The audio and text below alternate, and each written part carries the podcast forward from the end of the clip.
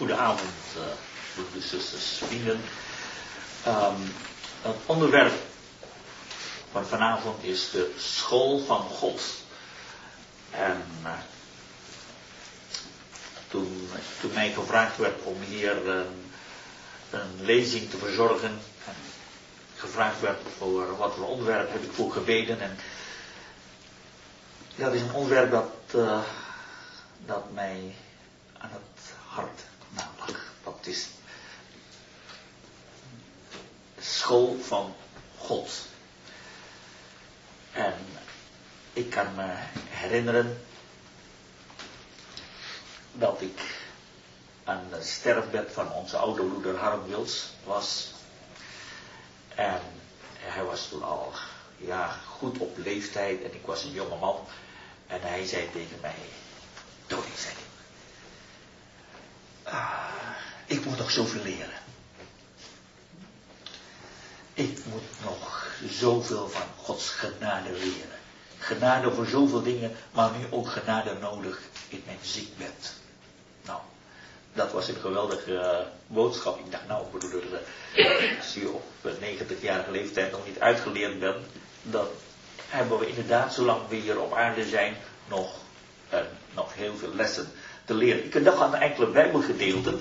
Eerst uit de psalmen.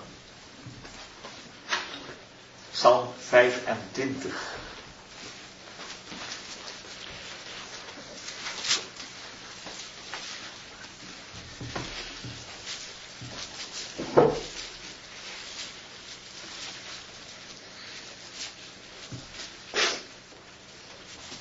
Psalm 25, blijkens vers 1, is een gebed. Psalm van David. En het thema is, vers 3, allen die u verwachten worden niet beschaamd. En de inhoud van het gebed in vers 4, Heer, maak mij uw wegen bekend, leer mij uw paden. Maar de versen die ik graag met u wil delen is vers 8 en vers 9. Goed en waarachtig is de Heere. Daarom onderwijst hij de zondaars aangaande de weg. Hij onderwijst zondaars. Dat is één. Vers 9. Ootmoedigen doet hij wandelen in het recht.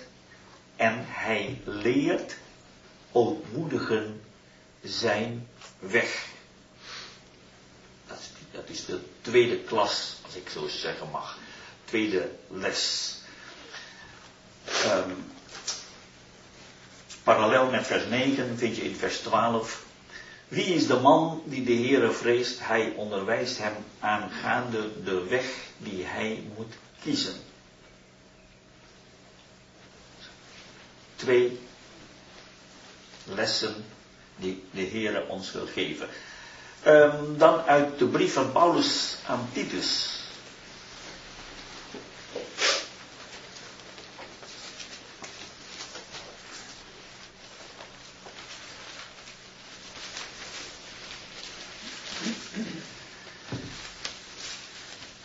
hoofdstuk 2.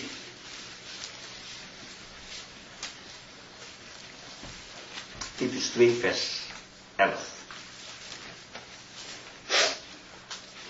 Want de genade van God, die voor alle mensen heil aanbrengt, is verschenen. Dat is één. Vers 12.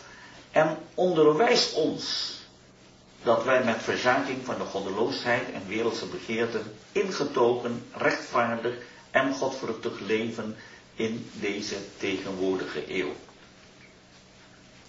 Dus ook hier vinden we de verschijning van de genade van God en het onderwijs. En uh, het betrof mij dat het onderwijs hier wordt gegeven is door de genade van God. De genade van God onderwijst ons dan is het duidelijk dat de genade hier een persoon is.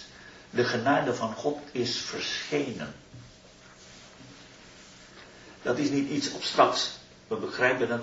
Het is de persoon van onze heiland Jezus Christus. Hij is de verpersoonlijking van de genade van God.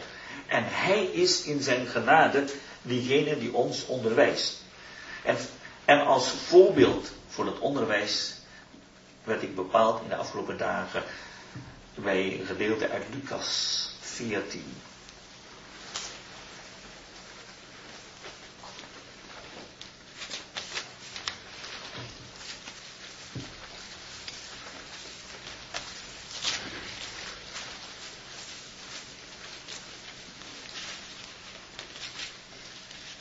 Lucas 14. En het gebeurde toen op de Sabbat in het huis van een der oversten van de fariseeën gekomen was om brood te eten, dat zij hem bespieden. En zie, er stond een waterzuchtig mens voor hem. En Jezus antwoordde en zei tot de wetgeleerden en fariseeën, is het geoorloofd de Sabbat te genezen? Maar zij zwegen. En hij nam hem bij de hand, genas hem en liet hem gaan. En hij antwoordde en zei tot hem, wie van u zal, als zijn ezel of zijn os in een put valt, hem er niet terstond uittrekken op de Sabbatdag? En zij konden hier niets tegen inbrengen. Vers 7. En hij sprak tot de genodigden een gelijkenis, daarbij hij bemerkte hoe zij de eerste plaats uitkozen. En zei tot hen, wanneer gij door iemand op een bruiloft wordt genodigd, ga niet op de eerste plaats zitten. Want misschien is er één voornamer dan gij door hem genodigd. En dan zou hij die u en hem genodigd heeft komen en tot u zeggen, maak plaats voor hem en dan zal gij beginnen met schaamte de laatste plaats in te nemen. Maar wanneer gij genodigd wordt, ga heen, neem de laatste plaats, opdat hij die u genodigd heeft, als hij komt tot u zegt, vriend, kom hogerop.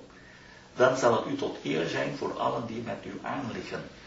Want de ieder die zichzelf verhoogt zal vernederd worden, en die zichzelf vernederd zal verhoogd worden. Dan vers 12. Hij zei ook tot diegene die hem genodigd had, Wanneer gij een middag of avondmaal aanlegt, roep dan niet uw vrienden of uw broeders of uw bloedverwanten of rijke buren, opdat niet misschien ook zij u terugnodigen en het u vergolden wordt.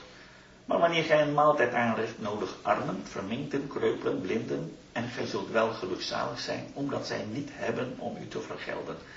Want het zal u vergolden worden in de opstanding van de rechtvaardigen. Vers 15. En toen een van hen die mee aanlagen deze dingen hoorde, zei hij tot hem, wel gelukzalig hij die brood zal eten in het koninkrijk van God.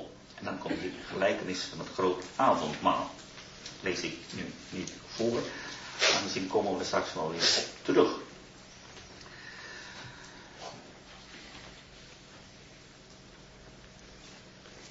De school van God in het Nieuwe Testament heeft direct te maken met de genade van God. En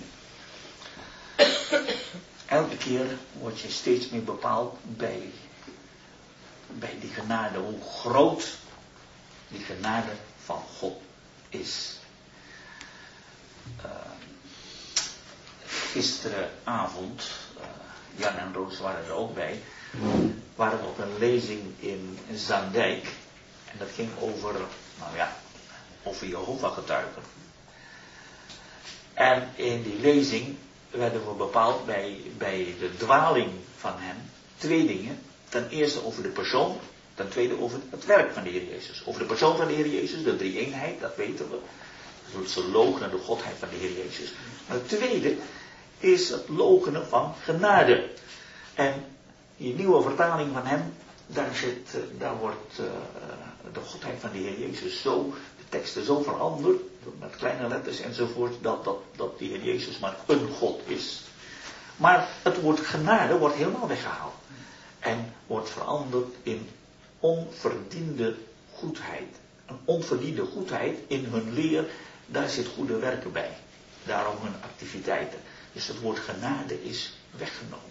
En als je dan hoort hoe, hoe onze broeder, want ik mag zeggen dat hij een broeder is geworden, geliefde broeder in de Heer Jezus, hoe de Heer hem heeft weten te bevrijden uit, uh, ja, hij was gehersenspoeld tot en met, hoe moeilijk dat was om vrij te komen van die banden van Jehovah getuigen. En dat, dat hij een blijmoedig kind van God is geworden. Dan denk ik, nou, Hoe rijk is die genade. En, en dat, is, dat is eigenlijk als een, als een gouden draad door alles heen. Als je toch die genade van God niet zou kennen. Hoe arm ben je toch. Ja, we kennen die Bijbeltekst. Als we zeggen, wat is die genade nou? We kennen toch die genade van onze Heer Jezus Christus. 2 8, dat Hij die rijk was om wil arm is geworden, opdat wij die arm waren, rijk zouden worden.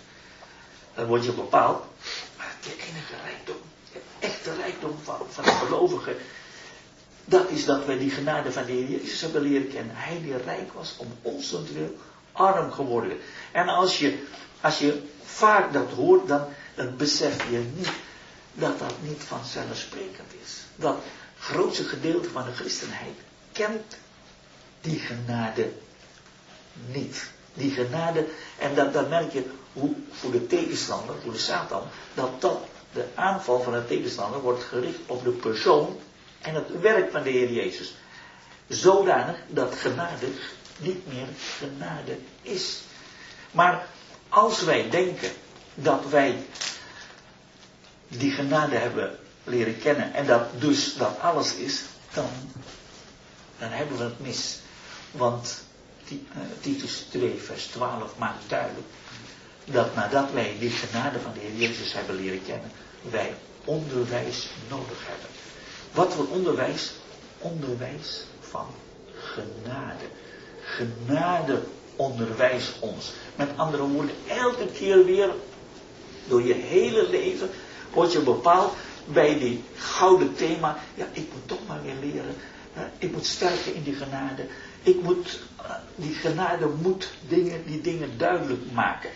En dat, dat maakt het Nieuwe Testament ook duidelijk. Dat die genade nodig is voor elke dag. Uit zijn volheid mogen we ontvangen. En wel genade op genade. Dat betekent eigenlijk voor elke stap van je leven heb je die genade nodig. Het is niet zo dat je op een gegeven moment zegt, nou, ik heb een voorraad genade. Maar nu heb ik, heb ik niet meer nodig. Of ik heb het nu begrepen, ik heb morgen geen genade meer nodig. Nee, dat is net als dat manna in de, in de, in, in de woestijn. Elke dag heb je die genade nodig. En dat niet alleen. Ik moet ook gevormd worden door die genade.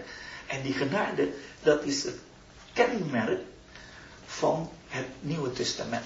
En we hebben het gelezen uit het Evangelie van Lucas. Lucas is uh, de enige schrijver in het Nieuwe, van het Nieuwe Testament die geen Jood was. Hij was een heiden. En hij schreef over die genade van God. En Titus, sommige uh, schriftverklaarders denken dat Titus een lijfelijke broer was van Lucas, maar dat is niet zo belangrijk. Maar wel dat Titus zeer zeker ook een heiden was. Maar Titus was een ontvanger van een brief. Hij was niet een schrijver van een brief, hij was ontvanger. Maar in beide boeken lees je heel in het bijzonder over de genade van God. En Paulus schrijft aan Titus over die genade van God, die is verschenen. En het staat niet heilbrengend aan alle Joden, heil brengen aan alle mensen.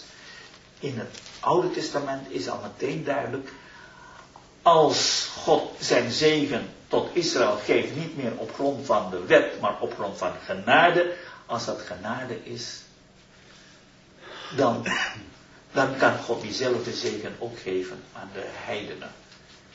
Daarom lezen we in, in, Jesaja, hij is niet alleen om, om Jacob wilde te brengen, maar God wilde hem stellen in Jesaja 49 tot een licht voor alle volken. Dat is genade. Dan is er geen onderscheid meer tussen Jood en Heiden.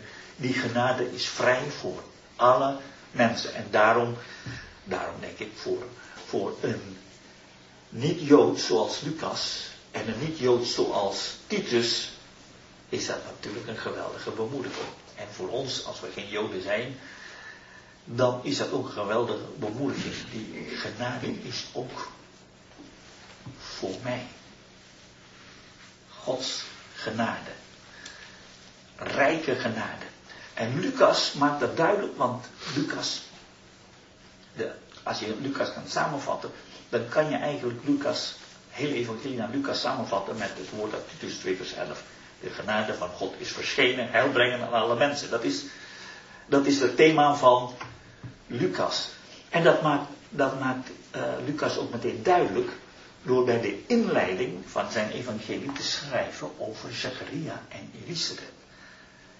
En de geboorte van Johannes de Doper. Zo uitvoerig en zo de nadruk leggen op de betekenis van de, of de naam van die baby moet zijn Johannes. Geen andere naam. Dat betekent dat de betekenis van die naam ontzettend belangrijk is. En als we kijken naar de betekenis van de namen in het evangelie naar Lucas, dan weten we dat Elisabeth betekent God heeft gezworen. En Zacharia, de Heere, heeft zich herinnerd. En dat is al twee keer bij het lied van Maria aangehaald en bij, bij dat lied van Zacharia, bij de lofzangers van Zacharia in Lucas 1, die twee dingen, gedenken en gezworen. Daar zit Elisabeth en Zacharia. God heeft gezworen. Wat heeft hij gezworen? Hij heeft gezworen dat hij in Genesis 22 de volken zal zegenen. Hij wil zijn zegen geven. Maar God kon zijn zegen geven niet meer niet onder de wet. Want Elisabeth kon geen kind krijgen. En Zacharia kon de Heer niet meer loven. Hij was stom geworden. Dat is eigenlijk een beeld van de gelovigen onder de wet. En toen moest die baby komen. En die baby moest heten Johannes. En dat betekent de Heer is genadig. Met andere woorden, de Heere, God heeft beloofd om te zegenen. Maar hij kan zijn zegen niet kwijt op grond van de wet. Toen God aan zijn belofte dacht, toen kon hij zijn zegen alleen maar kwijt langs de weg van genade. Maar die genade, die genade kon God niet zomaar met eerbied gesproken uh, zomaar geven. Met een heleboel andere dingen lezen we dat God eenvoudig alles heeft geschapen. Hij sprak en het was er. Hij gebood en het stond er. Hij zei er zij licht en er was licht. Maar met eerbied gesproken, de Heer kon niet zeggen, er zij genade en er was genade. Om die genade tot stand te brengen, moest de Heer Jezus naar deze wereld komen. We lezen in Johannes 1 dat als het gaat om de wet, de wet is door Mozes gegeven. Met andere woorden, de Heer gaf aan, aan, aan Mozes de wet. En Mozes nam die wet en, uit de hand van de Heer en gaf dat door aan de mensen. Met genade is dat niet zo. Het is niet zo dat de Heer genade heeft ontvangen van de Vader en gaf dat door aan ons. En we lezen, de genade en de waarheid is door Jezus Christus geworden. Die genade moest hij tot stand brengen aan het kruis van Golgotha. Hij moest lijden en sterven. Ik weet dat, dit, dat voor velen van u duidelijk uh, overbekend is, maar het is, het is nooit genoeg om dit te benadrukken. Om elke keer weer te beseffen dat wij, dat wij nooit dankbaar genoeg kunnen zijn voor die grote, onbegrijpelijke genade. We moeten elke keer, als we, als we van die genade horen, niet zeggen, oh ja, dat weet ik al. Nee, we mogen elke keer weer onder de indruk komen van die grote genade. De genade en de waarheid is door Jezus Christus Hij moest die weg bewandelen om die genade tot stand te brengen. En dan lezen we uit zijn volheid. Uit zijn volheid mogen ontvangen. Genade op genade. Dat is het eerste wat wij mogen leren. Namelijk dat die genade gegeven is ten behoeve van alle mensen. Voor alle mensen. En we hebben het gelezen in, uh, in Psalm 25. Dat de Heer goed en waarachtig is. En daarom onderwijst hij de zondaars aangaande de weg. die school van God, mag ik, mag ik misschien zo, zo zeggen, die eerste klas is een beetje zo'n toelatingsexamen voor de school. Je wil in, als je in die school van God aangenomen wil worden, dan moet je eerst die eerste les leren, namelijk die les die God geeft aan zondaren. Wat voor les is dat? Dat is die les dat je tot de Heer Jezus moet komen, om die genade te ontvangen. Ik denk aan een andere tekst in Matthäus 11, vers 28 en 29 lees je ook die twee dingen. Vers 28 is tot de Heer Jezus komen. En vers 29 is van de Heer Jezus leren. Ook weer die twee stappen. Stappenplan hier in Psalm 25, in Titus 2, maar ook in Matthäus 11. In Matthäus 11 vers 28 lezen we dan, Kom tot mij, allen die vermoeid en belast zijn, en ik zal u rust geven. Dan vind je rust, rust voor je geweten. Rust omdat je weet, alle, alle mijn zonden heeft zijn zoenbloed weggedaan. Dat is de les die de Heer wil geven aan zondaren. De boodschap van het evangelie van Gods genade. Wij leven nog steeds in de tijd van de genade van God. En we mogen nog altijd verkondigen aan alle mensen over de genade van God. En heel in het bijzonder wordt ook bepaald door, door het feit dat wij leven in een bijzondere tijd, namelijk te midden van alle tekenen van de eindtijd, merk je één ding, dat de Heer haast heeft, dat de laatste groepen die nooit de kans hebben gehad om het evangelie te horen, dat die op dit moment bij duizenden tot geloof in de Heer Jezus komen, het evangelie horen en tot geloof komen. U weet wie ik bedoel, dat zijn de moslims. Voor 1000, 1500 jaar waren die moslims onbereikbaar voor het evangelie. Maar wij leven in een tijd dat die moslims door de heren uitgerukt worden uit hun woonplaatsen en dan overal neergezet, ook in Nederland. En wonder boven wonder, deze moslims staan open voor het evangelie van Gods. Maar niet alleen hier. Ik kom regelmatig in Egypte. En ook daar in Egypte hoor ik dat duizenden bij duizenden moslims tot geloof komen in de Heer Jezus. Zelfs in, in de samenkomst in Ismailia hadden de broeders een probleem. Daar kwamen moslims tot bekering. En dan hebben ze een plaats aangevraagd.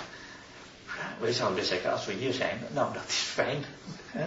We, we, loven de Heer, maar daar hebben ze ook een probleem. Namelijk, tja, dan, dan krijg je problemen met, uh, met de bevolking. Want als je moslims helpt die tot bekering zijn gekomen, ja, dan, dan, dan kom je in de, in de. En dan merk je het verschil tussen, tussen een land waar je de vrijheid niet kent. En zoals we hier, zoals we nu nog, de vrijheid hebben om de Heer te dienen. We mogen het evangelie verkondigen. Maar ik noem dat even om aan te geven. Zoveel komen tot geloof in de Heer Jezus. Bij duizenden. In november hadden we een, uh, een bijbelstudie. Evangelisatie samen met een broeder. Uh, uh, broeders uit Egypte. En hij vertelde mij, Tony, zei ik ben net in Kuwait geweest. En daar ben ik in de samenkomst geweest. Met alleen 30 man in Kuwait. 30 man. Zijn allemaal ex-moslims. Alleen maar ex-moslims. Ik ben de enige die als christen ben geboren. En toen was daar eentje die dreigde om terug te keren in de islam. En die andere 29 die waren bezig vanuit Gods woord deze man te overtuigen over de waarheid van Gods woord. Nou, wij leven in bijzondere tijden. Het evangelie van Gods genade. Hier in Europa hebben de mensen, ja, dat is, we leven in een na-christelijke tijdperk. Heel veel mensen die, die, die hoeven dat niet meer. Maar als we horen, als we horen hoe de moslims met verbazing luisteren naar het evangelie van Gods genade. Hoe ze er onder de indruk kwamen over de, van de genade van God.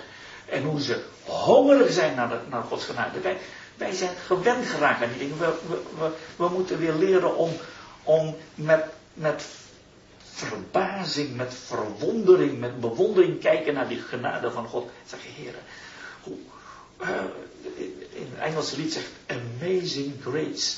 Een, een, genade dat zo wonderbaarlijk is, wonderbaarlijke genade. Hebben we nog verwondering voor die genade van God?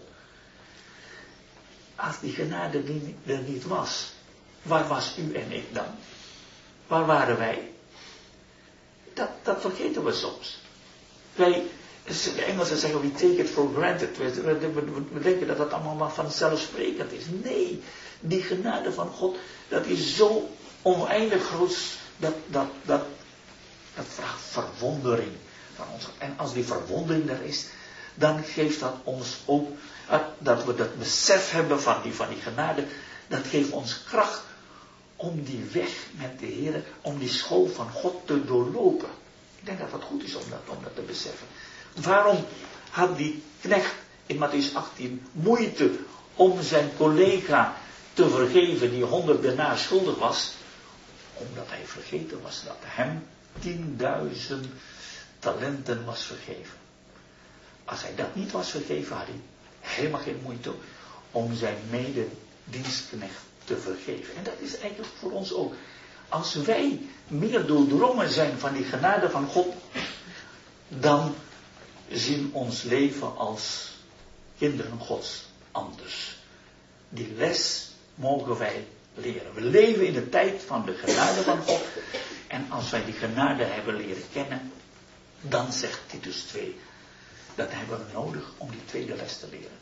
Want die genade van God brengt niet alleen heil, die wil ons ook onderwijzen. En dat is wat, wat, we, wat we in Matthäus 11, vers 29 ook horen. Kom tot mij, vers 28, dat is een eenmalige zaak. Je hoeft niet elke dag te komen. Het is net als, als, als, als een huwelijk.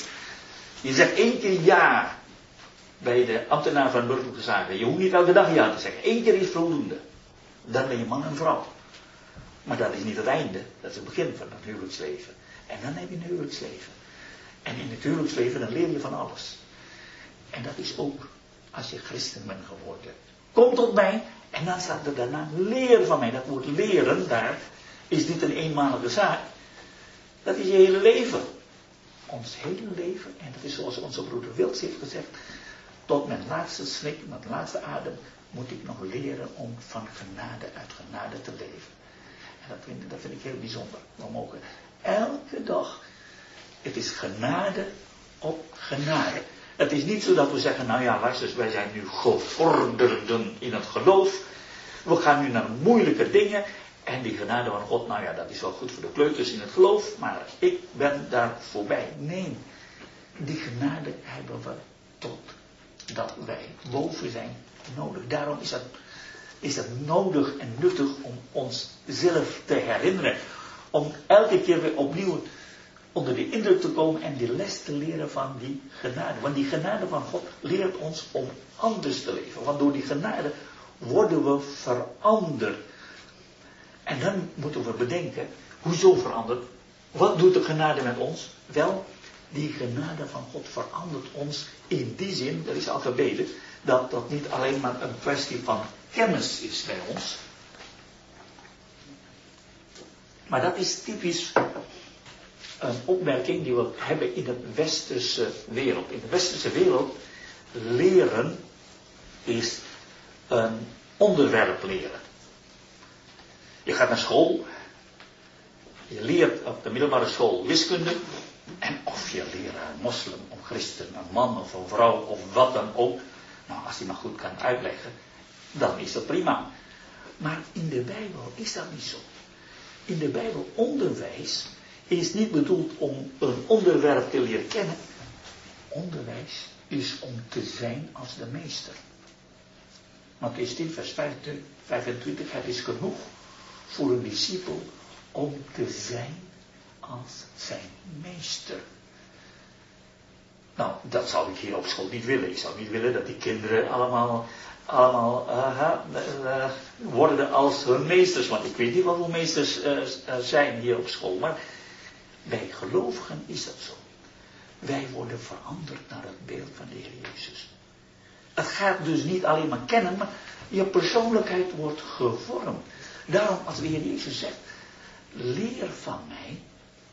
Wat moet ik dan leren? Moet ik eh, naar mijn feit eh, leren? Uh, bijbelkennis? Uh, dogma's? Leerstellingen? Beginselen? Leer van mij, zegt de Heer Jezus, want ik ben nederig en zachtmoedig van hart. En dan zul je rust vinden voor je zielen. Nederig en zachtmoedigheid, dat zijn morele kenmerken van de Heer Jezus. Die moet je leren. En dat, dat, dat kan geen mens leren. Dat kan alleen de Heer. Die vertrouwelijke omgang van Psalm 25, als we die hebben, dan worden we gevormd naar zijn. En dat is eigenlijk wat we meer nodig hebben. Als basis van ons geloofsleven. Die vertrouwelijke omgang met de Heer. Die levende relatie met de Heer.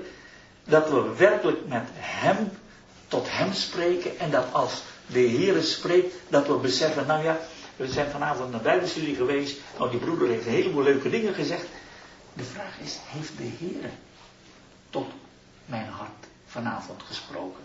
Wat heeft Hij gezegd? Want dan beseffen we, het is de Heer die tot mij wil spreken. Ach, dat een broeder gebruikt wordt of iemand anders, dat is niet het belangrijkste.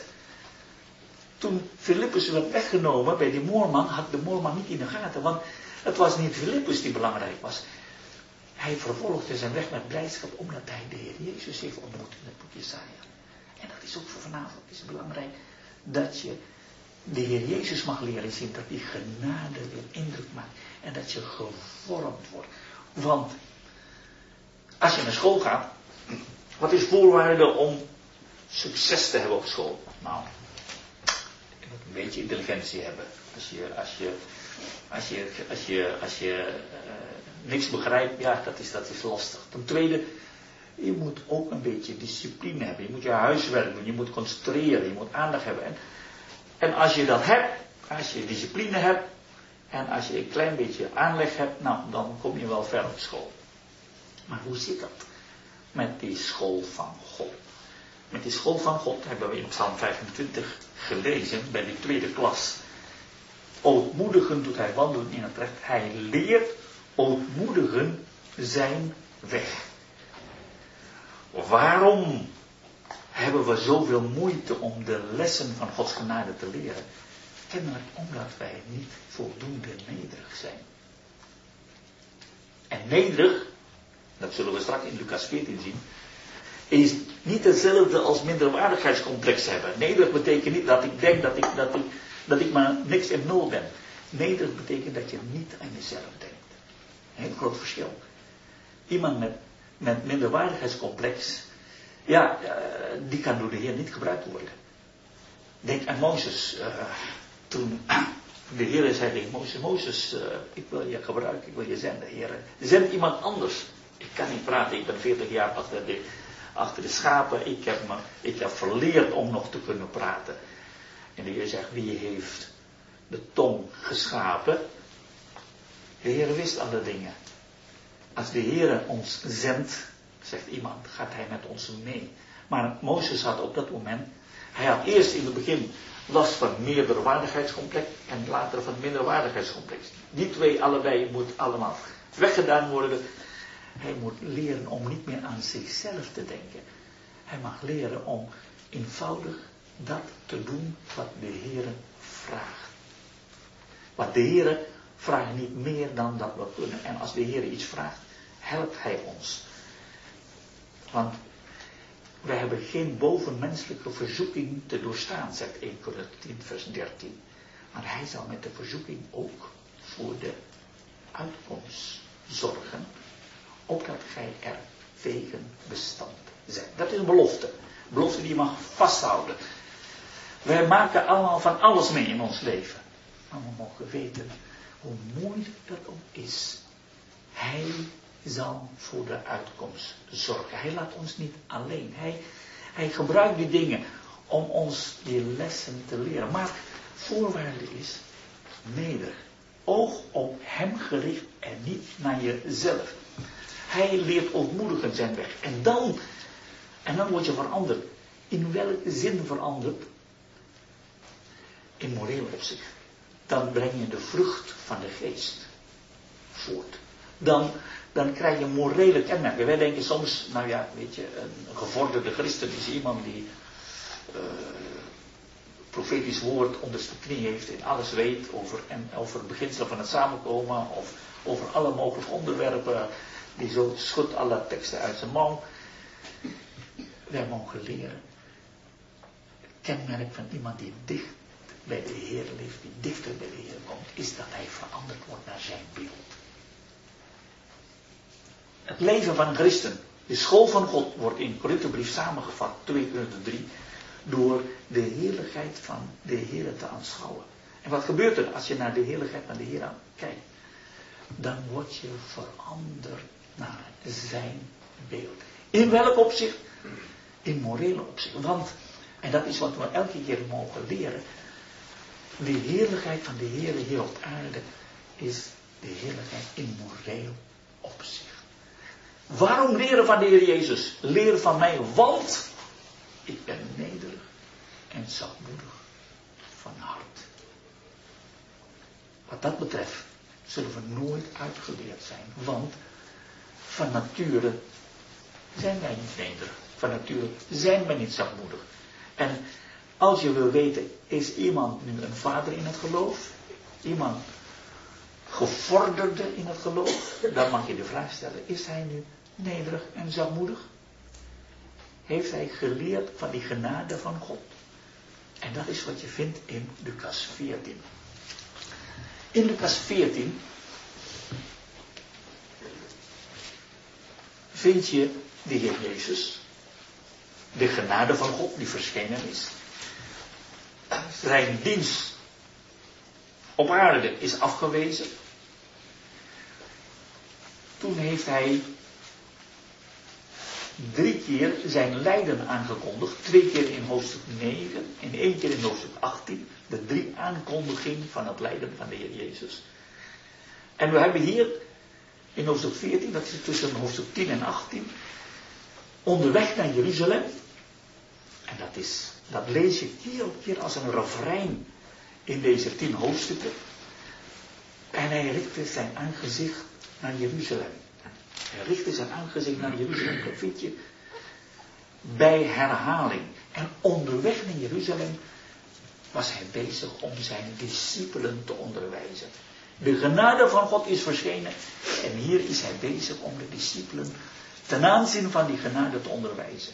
Vanaf het begin hebben de Joden zich verwonderd over de toespraken, de woorden van de Heer Jezus. Want in Lucas 3 lezen we dan dat ze verwonderd waren over de woorden van genade die uit zijn lippen kwamen.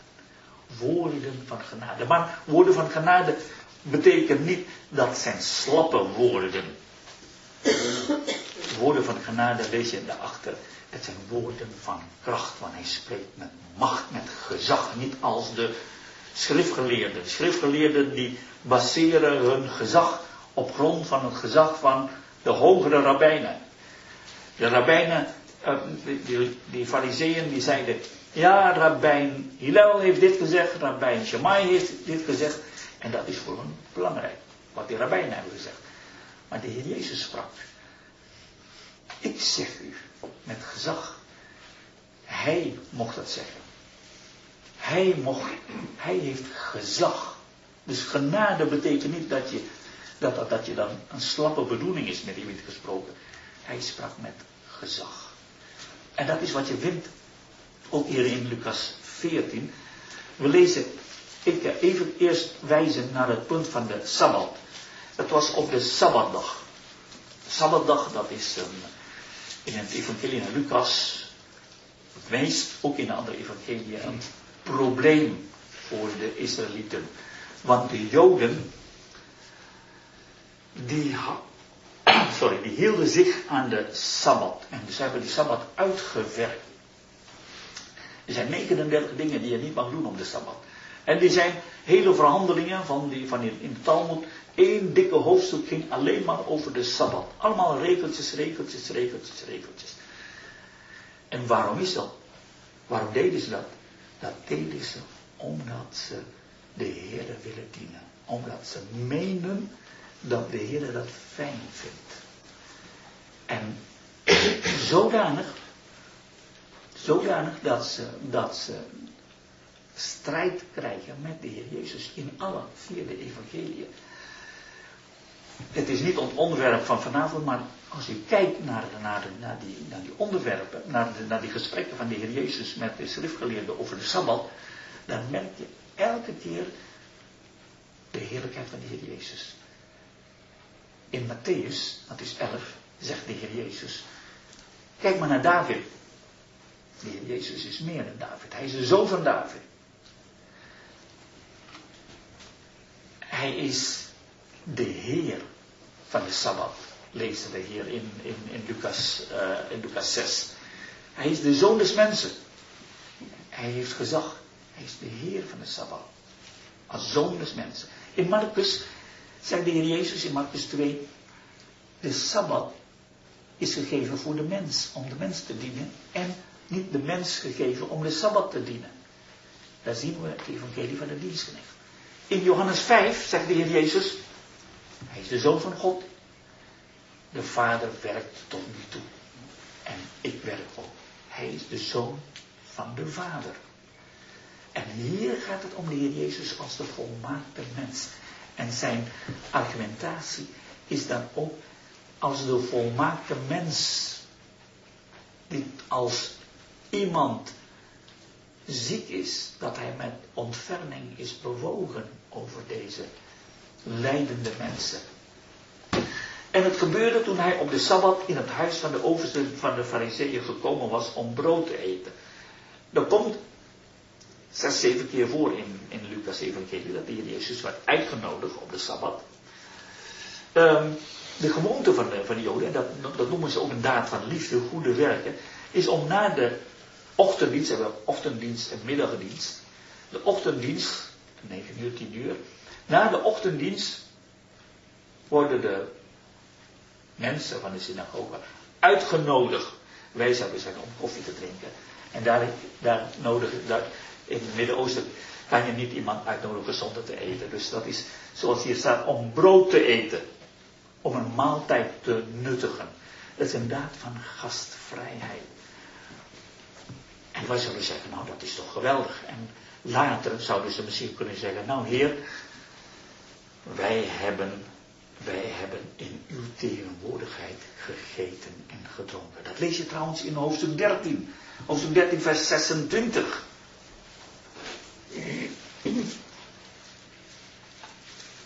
Wij hebben in uw aanwezigheid gegeten en gedronken. Maar wat ernstig is dat om het antwoord te horen, vers 27, hij zal zeggen, ik zeg u, ik weet niet van waar gij zijt. Niets is tragischer dan als je heel dichtbij bent geweest en toch, en toch niet meekomt. En dat geldt niet alleen voor de Joden hier, maar dat mag je ook denken vandaag de dag aan heel veel christenen die elke zondag de kerken bezoeken als ik denk aan Jovengetuigen, maar ook heel veel uh, anderen, in de, in, maar ook onze eigen familieleden, kinderen, die het evangelie hebben gehoord. Ze hebben het gehoord, ze zijn zo dichtbij geweest. Maar kennelijk is het mogelijk, en dat is een ernstige waarschuwing. Genade betekent niet dat dus iedereen maar gered is. Genade blijft ernstig. Want als je de genade afwijst. In. Uh, Hebreeën 2 vers 2 lezen we dat Paulus zegt, als mensen die de wet van Mozes verwerpen zonder genade werden gestenigd, hoeveel ernstiger is dat als iemand het heil dat ons geopenbaard is veronachtzamen. Als we de genade veronachtzamen, dan is het ernstiger dan de wet afwijzen. Want de wet is door Mozes gegeven. Maar de genade, het heil is door de Zoon van God gegeven. Als we die afwijzen, afwijzen in de vorm van veronachtzamen, dan zegt Hebreeënbrief, dan is er geen redding meer mogelijk. En dat is een ernstige zaak. En dat is, hier, dat is ook. Het kan zo zijn, net als in Judas, zo dichtbij. En toch die genade niet hebben leren kennen. En daarom is het een ernst, ernstige zaak voor ons allemaal om elke keer de vraag te stellen, ook aan onze familieleden, kinderen, kleinkinderen. Heb je die genade van God leren kennen en aanvaard in je leven? Of is dat alleen maar nog ver van je bed? Allemaal, alle mogelijke redenen. En in, in, het derde eh, verhaal, vanaf vers 15, lees je dan ook die mogelijkheid dat je, dat je eigenlijk nee zegt tegen de uitnodiging van de Heer. Hier is het zo dat ze de Heer Jezus hebben uitgenodigd, niet uit liefde voor hem. Hoe erg is dat? Ze hebben hem uitgenodigd om hem in de gaten te houden, staat er letterlijk. Dat wordt hier vertaald om hem te bespieden. Dat betekent, ze wilden hem in de val lokken. En ze hebben zo bedacht, als de Heer Jezus niet zou genezen, dan kunnen we zeggen, hij is niet barmhartig. Hij heeft altijd beweerd dat hij barmhartig was, maar dat is hij niet. Kijk maar. Als hij wel zou genezen, dan heeft hij de wet overtreden. Dan en dan hebben we hem te pakken. Dus zij waren bezig om de Heer in de val te lokken. Hoe, hoe is het hart van de mens dat je de Heer Jezus uitnodigt in je huis om te eten, maar niet met de bedoeling om van die genade te genieten, maar met de bedoeling om strijd te voeren over geestelijke zaken. En dan ook nog met de gedachte dat de Heer God blij zou zijn omdat jij, omdat jij ijveraar bent van de wet. Omdat je de, de, de Sabbat heilig houdt. Nou, toen ik over dit verhaal dacht, dacht ik nou, is het alleen maar bij de Joden zo? Kan dat niet bij ons zijn dat wij, hè, ik, misschien mag je haast niet zeggen, maar met, met, met, met, met dat, zelfs met dat avondmaal, dat we denken nou, wij verdedigen de eer, de heiligheid van de Heer, maar wij vragen niet wat de gastheer wil. Ik denk dat het belangrijk is, ook bij dat avondmaal, dat we de vraag stellen, heren, u bent gastheer, je zegt u het maar. Want vaak hebben we al onze eigen gedachten daarover. En dan denken we dat de Heer nou blij is met onze gedachten. Maar we zullen toch elke keer de Heer moeten vragen. Dat, dat, dat, we niet, dat we, ik denk dat de Heer onze situatie zo bestuurt dat wij, dat wij op een gegeven moment zeggen, ik weet het niet meer. Maar op het moment dat wij zeggen, ik weet het niet meer. Dan zegt de Heer, nou daar zet ik nou op te wachten. Maar dan kun je mij vragen. Maar als jullie het allemaal zo goed weten, dan hoef je mij niet te vragen. En hier ook, de Joden wisten het allemaal. En zij hebben het allemaal zelf zwart op wit neergezet. Wat de regels van de wet zijn. Dat, lees je in, in Lucas 6, in die twee verhalen. Over, over, over de genezing, goed, goed doen. En over de man met die dorre hand. En, later in Lucas 13, eh, die vrouw die, die ziek was, die 18 jaar een geest van ziekte had en krom en niet kon oprichten. En hier nog een keer. Het is zo belangrijk dat we beseffen met wie we te doen hebben. Dat hadden deze schriftgeleerden en fariseeën niet. Maar toen de Heer Jezus hier op aarde kwam, hij was, het, was hij het licht van de wereld. Dat licht schijnt in de duisternis. Maar de duisternis heeft hem niet gegrepen. Zij meenden om de Heer Jezus in de val te lokken. Om, om, om duidelijk te maken hoe verkeerd de Heer Jezus was. Maar als de Heer Jezus ergens kwam, gebeurt altijd het omgekeerde. Dan wordt hij niet aangeklaagd. Hij is de rechter. De genade van God is verschenen. En de mens wordt aan de kaak gesteld. Hij schijnt in de duisternis en brengt ieder mens, zegt Johannes 1, aan het licht. Toen werd duidelijk wat in de schuilhoeken was van deze schriftgeleerde fariseeën. Er was daar een paterzuchtig mens. Je merkt je dat een arts aan het woord was, want dat is een medische uitdrukking. Wij zouden, zouden zeggen vanuit dat een udeem udeem, udimateus. En dat kan betekenen of de nieren zijn niet in orde of het hart is niet in orde. Het hart in orde en dan, en dan gaat je gaat je vocht verzamelen en dan wordt alles uh, van de onderkant wat dikker en dikker en dikker. En als je, ja, tegenwoordig heb je natuurlijk middelen, maar vroeger dan komt er vocht zoveel dat je gaat verdrinken in het vocht. Dan ga je stikken. Dat is, dat is een ernstige ziekte, was vroeger dodelijk. En deze man werd daar neergezet, maar het was niet die man zelf die daar kwam om hulp te vragen. Nee, die man was daar neergezet door die schriftgeleerden en fariseeën. Waaruit blijkt dat? Dat blijkt uit vers 3. We lezen hier Jezus antwoorden en zei niet tot die waterzuchtig mens, tot de wetgeleerden en fariseeën. Hij antwoordde hen. Het was hun initiatief. Die man was daar neergezet als een poppetje. Om de Heer Jezus te ontmaskeren. Maar nu maakte de Heer Jezus duidelijk, hij die de harten en gedachten van ieder mens kent, dat als hij straks rechter, als rechter zou verschijnen, lezen we in een boek Openbaring, dat zijn ogen zijn als een vuurvlam. Dat betekent dat kijk je dwars door je heen. kinderen weten het, dat ze komen bij hun moeder. En die, moeder die kijkt zo en denkt, nou moeder weet alles van mij. En zo is het ook als je bij de Heer komt, dan dan hoef je niks te verbergen. Hoef je niet met smoesjes te komen, want de Heer weet alles. En als de Heer iets zegt, dan is dat zo. Romeinen 3 zegt ons dat, dat elke mond wordt gestopt. Er, wordt, er, is, er is geen verdediging mogelijk in de rechtszaak in de hemel. De Heer spreekt en ieder mens zal antwoorden, u hebt gelijk. Wie zwijgt, stemt toe. En dat vind je hier ook in vers 4. Maar zij zwegen. Want toen werden zij door één vraag ontmaskerd. Want toen konden ze geen ja of geen nee zeggen. Is dat geoorloofd? Nou, als ze nee zouden zeggen, dan zullen de mensen zeggen, nou nee, die, die, dat zijn ook hardvochtige mensen. Als ze ja zeggen, dan geef je de Heer Jezus vrije brief om te genezen. Dus toen konden ze niks zeggen.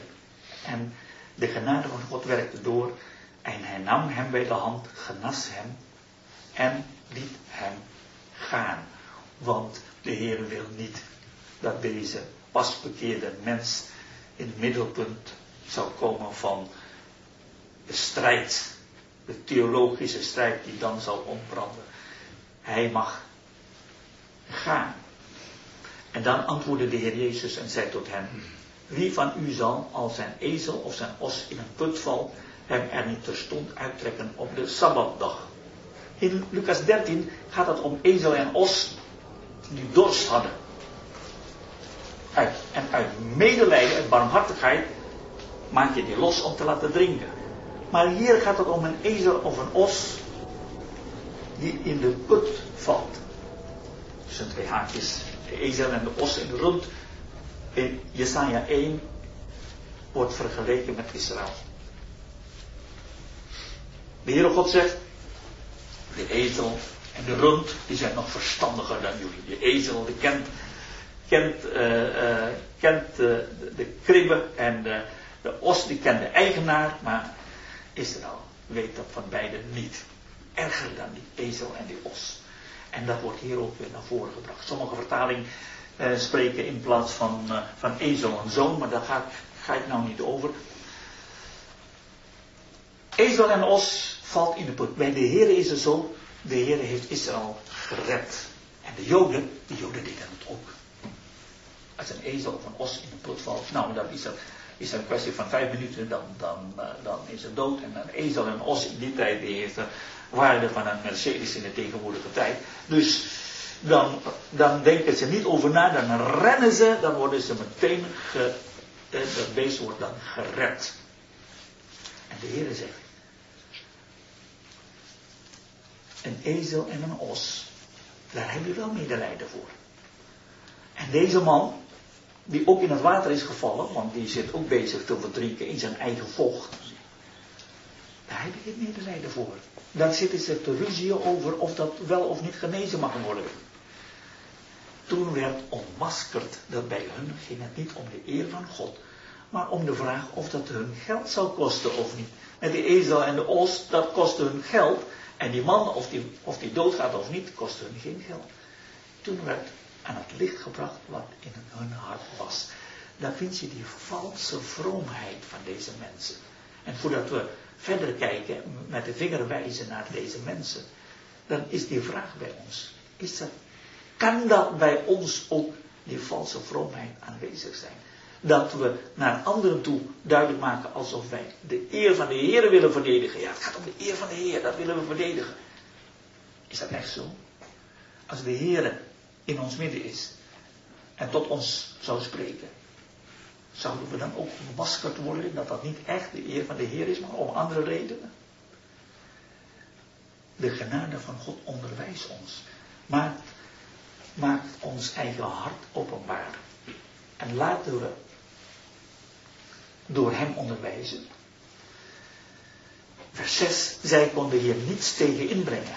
Eigenlijk, eigenlijk hadden ze tegen de hemel zeggen, Heer, u hebt gelijk. Wij hebben gehuicheld, dat is fout geweest. Heer, help ons, reinig ons. Maar ze hebben gezwegen en ze hebben hun hart verhard door hun zwijgen. Dat kan. Dat kan helaas. Het is, het is buigen of barsten. Als je niet buigt voor het woord van God, dan ga je barsten. Later lees je van deze schriftelijke van Isaiah, dat ze opnieuw in handelingen 6 een toespraak hoorden van Stefanus. En toen in handelingen 7, toen Stefanus sprak, hadden ze niks tegen in te brengen. En deze toen barsten hun hart. Toen hebben ze geschreeuwd. Toen hebben ze stenen geraamd. En toen hebben ze Stefanus gestenigd. Ze knarsen met hun tanden. Dat is een voorbode van wat ze straks in de poel van het vuur zullen doen, zou je, zou je zeggen. Het is, het is heel ernstig. Als je niet buigt voor het woord van God, dan krijg je verharding. En dat vind je hier. En dan heb je de tweede les. Hier in, uh, in Lucas 14 sprak de Heer Jezus elke keer verschillende groepen. In vers 1 tot met 5 sprak hij tot de schriftgeleerde fariseeën. En daarna in vers 7 tot de gasten. In vers 12 sprak hij tot de gastheer. In vers 15 sprak hij tot één van de mensen. En in vers 25 sprak hij tot de hele schade. Met andere woorden, de Heer probeert om al die mensen te bereiken, persoonlijk, als echtpaar, als huwelijk, als, als gezin, als gemeente, als menigte. Iedereen wordt aangesproken. En dan maakt de Heer Jezus duidelijk aan deze gasten een beginsel wat de Heer Jezus heeft gemerkt. Ja, eh, ze zaten dus ook in een U-vorm, zo'n tafel. En de ereplaats, dat is de, de gastheer zat hier in, de, aan, de, het midden van de U. En de belangrijkste uh, gasten die zitten naast uh, links en rechts van de, van de gastheer. En hoe verder, hoe minder. Dus het is net als bij, bij de uitverkoop bij de VND. Daar zitten de mensen bij de deur. Hè, en als de deur open gaat, dan rennen ze allemaal naar binnen. En dan proberen ze de eerste plaats te zoeken naast, de gastheer. Dat lees je hier trouwens in vers 7. Hoe zij de eerste plaatsen uitkozen. Dus het is eh, ellebogenwerk niet om uitverkoop te, te, de goedkoopste dingen te kopen, maar om die eerste plaats te krijgen. En wat zegt de Heer? De Heer zegt, zo is dat in het koninkrijk van God niet. Waarom? Waarom wilden ze de eerste plaats zoeken? De Heer Jezus zelf, toen hij op aarde kwam, lezen we in Filippi 2, heeft de gestalte van een slaaf aangenomen en is de mensen gelijk geworden. Hij heeft de laagste plaats ingenomen. En dan lezen we in Filippi 2, daarom heeft God hem geëerd en een naam gegeven die boven alle naam is. Dat is het beginsel van het koninkrijk van God. Deze mensen hebben die genade niet te leren kennen. En daarom dachten ze, nou, ik ben toch wel een belangrijk persoon. Dat, dat is een zuurdeeg die ook in christenheid binnendringt. De diotreffers, die de eerste plaats wil innemen.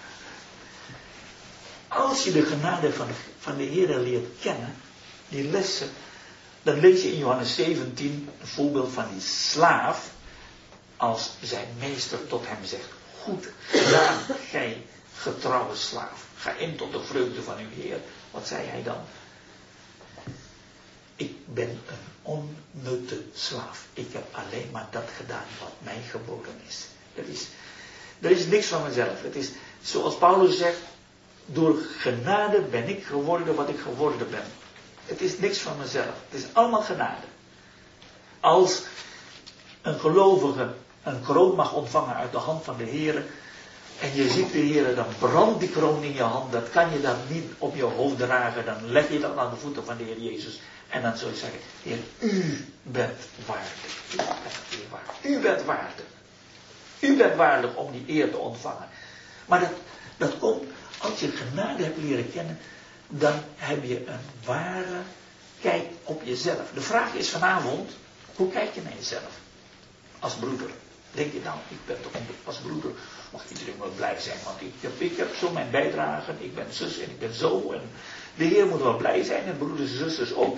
En als de broeders en zusters een keertje hun ondank laten zien, dat ze, hè, dat ze jou niet waarderen, zeggen, nou joh, ik heb dit 30 jaar voor de broeders en zusters dat ik gedaan. Maar ze waarderen mij niet. Teleurgesteld, diep teleurgesteld. Dat betekent dat je toch die dingen nog steeds doet omdat je denkt dat je belangrijk bent. Dat is wat je hier ziet. En niets menselijk is ons vreemd, ook als broeders en zusters. Ook, eh, ook die lessen moeten we leren om, om werkelijk niet naar jezelf te denken. Ook zoals dat Paulus, eh, die, die zegt dan, nou ja, ze hebben tegen mij over me geroddeld. Weet je wat dat is? We hebben afgelopen jaren ook veel van die dingen gekend. Hè? Roddelen, over bijzondere broeders allerlei verhalen. Waardoor we zeggen, ah jongens, we schamen ons van al die verhalen over die roddelpraatjes over de broeders. Heb je gehoord dat die broeders dit en dat? Weet je wat Paulus zegt? Filippi 1, wat het ertoe? Als het ging om hem, kijk, als het ging om de eer van de Heer, was hij op de, uh, heeft hij dat verdedigd. Maar als het ging om zijn eer, kon hij zeggen, wat doet het ertoe? En hoe is het bij ons? Als je op, op je teentje getrapt wordt. Als je een broeder iets zegt over jou wat niet prettig is. Dan komt deze dingen naar voren. Dan komt, ja, hoe kijk je naar jezelf? Als iemand nederig is, dan vind je jezelf niet meer belangrijk. Als je, als je schuilt achter de schild van het geloof, moet je je klein maken. Anders word je getroffen door de vurige pijlen van de tegenstander. Ik zie dat mijn tijd bijna om is. Ik ga naar de laatste punt, vers 12. De les voor de gastheren.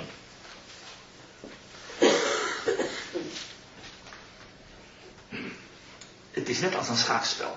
Ik weet niet of jullie uh, wel eens uh, gedaan hebben schaken.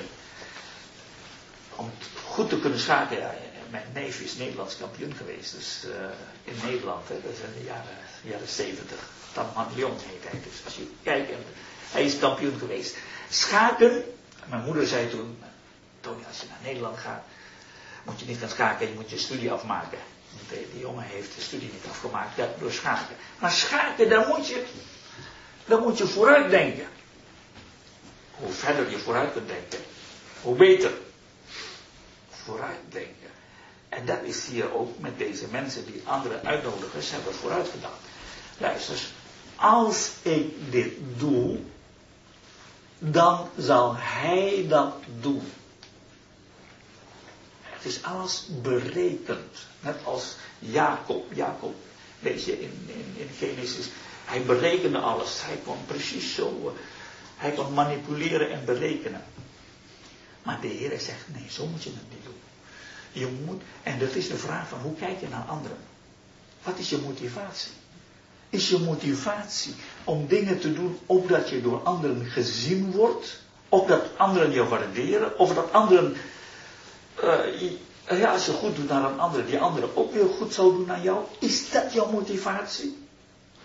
Nee, je, je moet dat zo niet doen. Je moet, als je, als je iemand uitnodigt, dan moet je de armen, de verminkten, de blinden, de kreupelen uitnodigen. Dat doet de Heer des huizes in Lucas 14 verder ook. In vers 21. Exact dezelfde uitdrukking. De Heer des huizes, dat is de Heer Jezus. De Heer Jezus nodigt ook niet de genodigden, belangrijke mensen, het volk Israël. Ieder mens. Ieder mens, overal, wordt uitgenodigd. In de straten en stegen van de stad en ook vers 23 buiten de stad. Overal worden mensen uitgenodigd. Maar eh, zo heeft de Heer dat gedaan. De Heer heeft niet gedaan. Ik nodig die mensen opdat ze dingen zouden kunnen doen voor mij. Het is zijn genade. Die verwacht niets van een ander. Die wil alleen maar geven. En dat is voor ons ook. Maar hoe kunnen wij dat doen zoals de Heer Jezus? Dat kunnen we alleen maar doen als wij uit dankbaarheid voor Hem, uit liefde voor Hem, dat mogen doen. De vraag die we ook mogen stellen is, als we de genade van de Heer Jezus hebben leren kennen, dan is je motivatie alleen maar dat je dingen mag doen uit liefde voor Hem.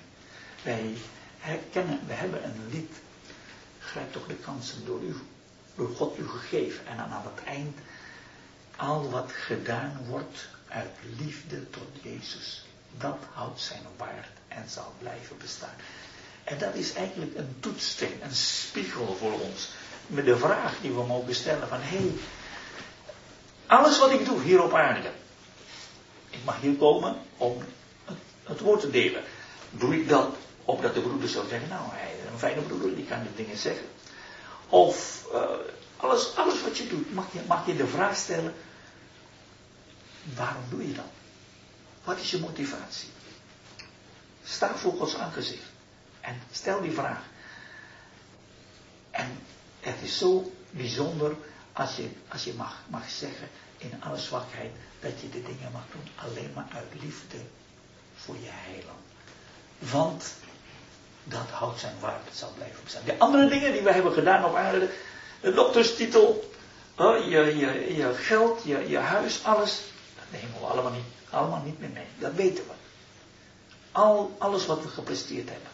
Maar een glas water in de naam van een discipel. Alles wat we doen uit liefde voor de Heer Jezus. Dat houdt zijn waarde en zal blijven bestaan. Dat is de les die Gods genade ook vandaag ons wil leren. Het zijn hele praktische dingen. Als we van hier weggaan, mogen we, mogen we die vraag stellen. Is daar enig valse vroomheid? Is dat echt? We mogen het feest vieren in echtheid, in waarheid. Lezen we in 1 Korinther 5. En hoe kijk je naar jezelf? De les van nederigheid. De Heer Jezus zegt, ik ben nederig en zachtmoedig van hart. Hoe kijk je naar jezelf? Dat is eigenlijk de les van de, aan de genodigden. Zoek ik de eerste plaats? Vind ik mezelf belangrijk? Wil ik mezelf profileren? En het tweede is, als ik dingen doe, alles wat ik doe, waarom doe ik dat? Waarom doe ik dat? Is dat echt voor de Heer? Voor de Heer alleen?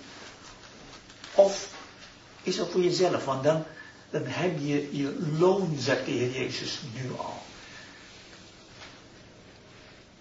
De Heer Jezus zegt tegen ons, zie ik kom spoedig. Mijn loon is bij mij. Verwachten we die loon, dat lezen we in vers 14. Gij zult wel gelukkig zijn, omdat zij niet hebben om u te vergelden. Het zal u vergolden worden in de opstanding van de rechtvaardig. Wat betekent dat? Dat betekent dat we die les moeten leren om klein, gebroken te zijn. Ik wil eindigen met het verhaal van Jacob. Jacob, had ik ook even gedacht, dat is een voorbeeld van de school van God. Abraham is beeld van de vader. Isaac is beeld van de zoon van de erfgenaam. Jacob is beeld van de knecht. Een knecht, enerzijds een beeld van de volmaakte knecht, de Heer Jezus. Anderzijds een voorbeeld van ons, de knecht die de Heer wil gebruiken. In Jesaja 42, 41 lees je over Israël, de knecht, Jacob. En dat, dat wil zeggen dat Jacob in de school van God was om door de Heer gebruikt te kunnen worden. Bijzonder leven.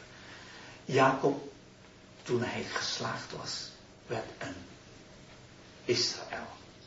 Maar wat is de les die hij moest leren? Hij moest de Heer ontmoeten bij de rivier de Jabok. Jabok betekent leeg. En op dat moment was het helemaal niks meer. Hij, hij was achtervolgd door, uh, door Laban.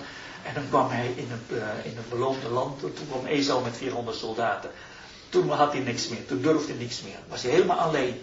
toen was hij helemaal leeg. Dat is wat de Heer vaak van ons. De Heer brengt ons op een toestand dat je, dat je helemaal niks meer, helemaal leeg. De vierde jammer. En dan kom je daar bij knieën op het moment dat je oh, door ziekte of door omstandigheden helemaal alleen bent en helemaal leeg, kom je de Heer tegen. En wat doet de Heer? De Heer gaat tegen jou strijden. Net zo lang totdat je gebroken bent. Bij Jacob is dat letterlijk en figuurlijk, bij ons alleen maar figuurlijk. Dat we gebroken, de heup ontwricht, de heup in het beeld van de kracht, geknapt. En toen hij geknapt was, lezen we in Hosea 12, toen smeekte hij om genade. Toen heeft hij overwonnen. En vanaf dat moment was hij de vorst van God, kon hij door de Heer gebruikt worden. Dat is eigenlijk wat de Heer met u en met mij wil doen.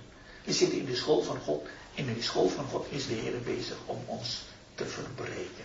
En als we gebroken zijn, dan kan de Heer aan het werk, want zijn kracht wordt volbracht in zwakheid. En dat is een geweldige bemoediging. We leven in de dag der kleine dingen, maar de Heer is niet veranderd. De Heer heeft nog altijd een weg voor ieder van ons. Een weg waarin Hij zijn naam groot kan maken. Maar daartoe moeten we de lessen leren in de school van God, dat wij ook een vorst van God Israël mag zijn. Dat we mogen zijn tot eer van zijn naam. In het besef dat alles, ja, alles wat wij mogen doen uit liefde voor de Heer Jezus, dat houdt zijn waarde en zal blijven bestaan.